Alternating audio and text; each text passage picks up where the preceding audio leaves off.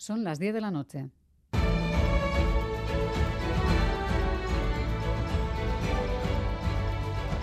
Radio Euskadi y Radio Vitoria. Servicios informativos. Repasamos los titulares de la jornada con John Fernández Mur, Gabón. Gabón, Miriam, noticias de este martes 21 de marzo en el que comenzamos mirando al Congreso de los Diputados. Allí Ramón Tamames ha defendido la moción de censura impulsada por Vox. El candidato de Vox ha cargado contra los pactos con los independentistas, el gasto público o la memoria histórica. La decepción ante los pactos con Bildu y la inquietud ante la cesión permanente a los condenados por sedición y malversación generan un malestar inmenso en los que viven el socialismo. La memoria histórica nos ha creado muchos problemas. Una memoria democrática que está faltando a la veracidad. Se cometieron atrocidades en los dos bandos. Pedro Sánchez ha usado más de una hora y media en su réplica, ha usado el tono de un discurso sobre el estado de la nación y ha puesto el foco en el PP. Esos que mañana se van a abstener son tan responsables como usted. En sus políticas concretas, ustedes, por mucho que traten de separarse del Partido Popular, se parecen como dos gotas de agua al Partido Popular. Y mientras el PP dice estar en el centro, ni haciendo seguidismo de Vox, ni con el gobierno Cuca Gamarra. Y estamos desde el Partido Popular muy cómodos en la centralidad, desde una centralidad en la que ni apuntalamos al Gobierno ni hacemos seguidismo de otros partidos.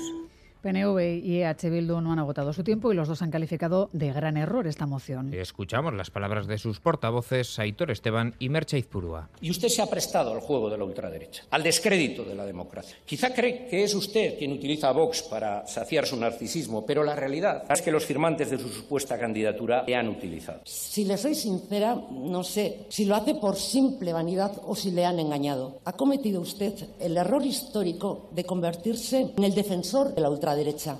Mañana continuará el debate de una moción de censura que no tiene ninguna opción de prosperar.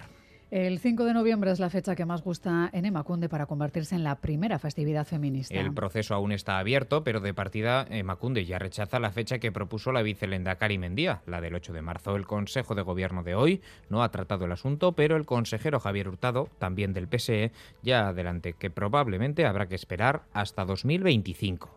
Esperaremos a ese proceso de alegaciones y una vez que se haga la propuesta en el Consejo de Gobierno la aprobaremos.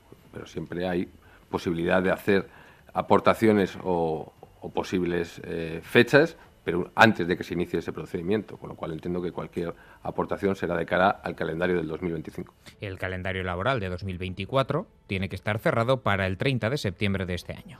La Comisión Europea parece empezar a ceder ante la presión de Alemania, que no quiere terminar totalmente con los coches de combustión a partir de 2035. Efectivamente, la presión del gobierno alemán, acompañada por la de su industria automovilística, busca una excepción para los vehículos que usen combustibles sintéticos. En Moscú, segundo día de reunión entre Xi Jinping y Vladimir Putin. Ambos mandatarios han abordado el plan de paz chino que, según Putin, puede servir de base para la paz en Ucrania. Han matizado, eso sí, que podrá darse cuando Occidente y Kiev estén preparados para ello y que ahora no ve voluntad por su parte. El papel mediador de Xi Jinping coge fuerza, ya que el gobierno de Ucrania también ha pedido reunirse con él una vez termine su estancia en Rusia, aunque Zelensky ha asegurado hoy que no han recibido respuesta por parte de Pekín y que no comparten gran parte de ese plan de paz chino. La otra cuestión en esta reunión al máximo nivel, la económica, acuerdo entre Rusia y China para profundizar en su cooperación y construir un nuevo gasoducto. Rusia, que ya no puede exportar a Europa, busca dónde colocar su gas y lo encuentra,